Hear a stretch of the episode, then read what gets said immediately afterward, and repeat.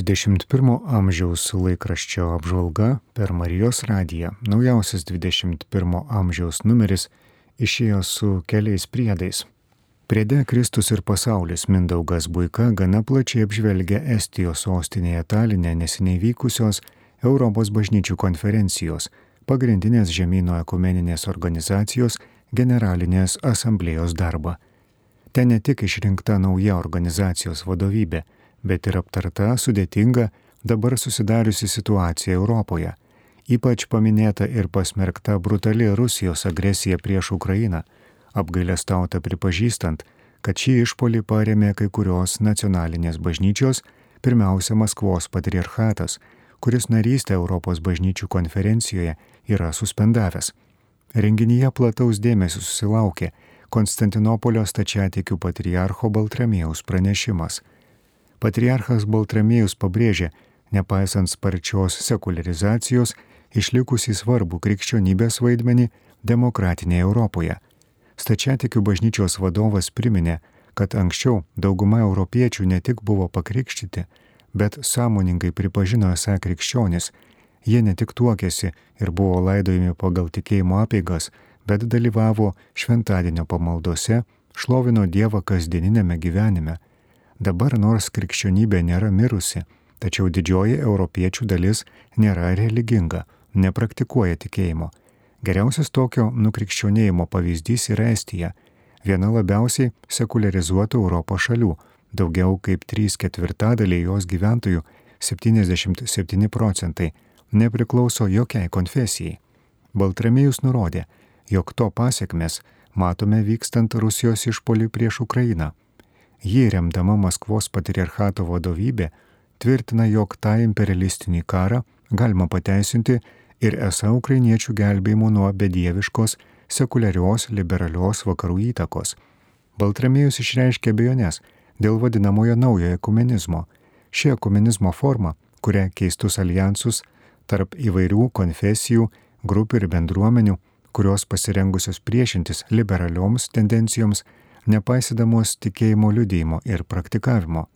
Toks ideologizuotas naujasis ekumenizmas yra greičiau antiekumeniškas, nes užuot vedęs nuo širdų dialogą, demonstruoja aišku priešiškumą kitiems krikščionims, kurie nepritarė jo nuostatoms. Talino susitikimo pranešimuose akcentuota, kad Europos krikščionys, nors ir likę mažumoje, turi drąsiai priimti visus vis labiau sekularizuoto konteksto iššūkius reikšmingai prisidedami prie žemynų ateities formavimo, jie turi rodyti dvasinį pasitikėjimą, bet nebūti arogantiški, reikšti nuomonę dėl iškilusių problemų, bet mokėti išklausyti kitus, pabrėždami viltingą krikščionišką poziciją. Kitame talinė pasirašytame pareiškime dėl aktualių migracijos problemų primenama, kad tai Europai nėra nauja. Pastaraisiais dviem dešimtmečiais su kariniais konfliktais bei ekologinė krize susijusios nelaimės privertė labiausiai pažydžiamoje padėtyje atsidūrusius įvairių pasaulio regionų gyventojus siekti geresnės ateities savo ir savo vaikams svetur, įskaitant santykinę gerovę bei taiką turinčiose ES šalyse.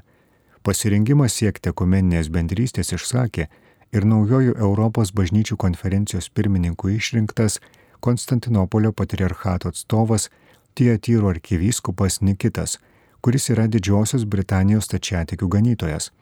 Po rinkimų į žiniasklaidai sakė, kad visuomet vadovavosi įsitikinimu, jog būti krikščionių reiškia vesti nuo širdų dialogą su kitų konfesijų bendruomenėmis bei visais geros valios žmonėmis. Priede 21 amžiaus horizontai rašoma, kad labai daug ir emocionaliai kalbame apie miškų kirtimą, tačiau beveik nepastebime, kad Lietuvoje labai sumažėjo ir natūralių pievų, ir jų augalų, paukščių rūšių.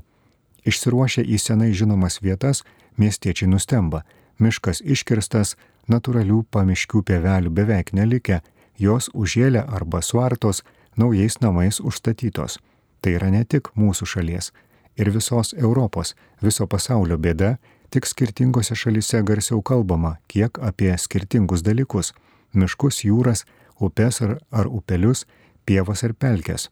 Europos parlamento sesijoje Strasbūrė Liepos 10-13 dienomis Be nesvarbiausias daugiausiai emocijų sukėlęs klausimas buvo ES gamtos atkūrimo taisyklių projektas.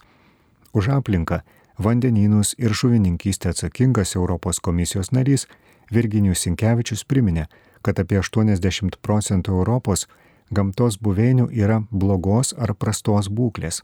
Europarlamentarai siūlo valstybėms numatyti įsipareigojimus iki 2050 metų atkurti pažeistas Europos miškų, upių, ežerų, pievių, pelkių ir kitas ekosistemas. 21 amžiaus priedė abipus Nemuno apžvelgiami Dusetose, Merkinėje, Čedasuose vykę renginiai. Laikraštie dar prisimenamas prieš šimtą metų gimęs kunigas Česlovas Kavaliauskas. 21 amžiaus laikraščio apžvalgą parengė laikraščio redakcija, perskaitė Andrius Sakalauskas.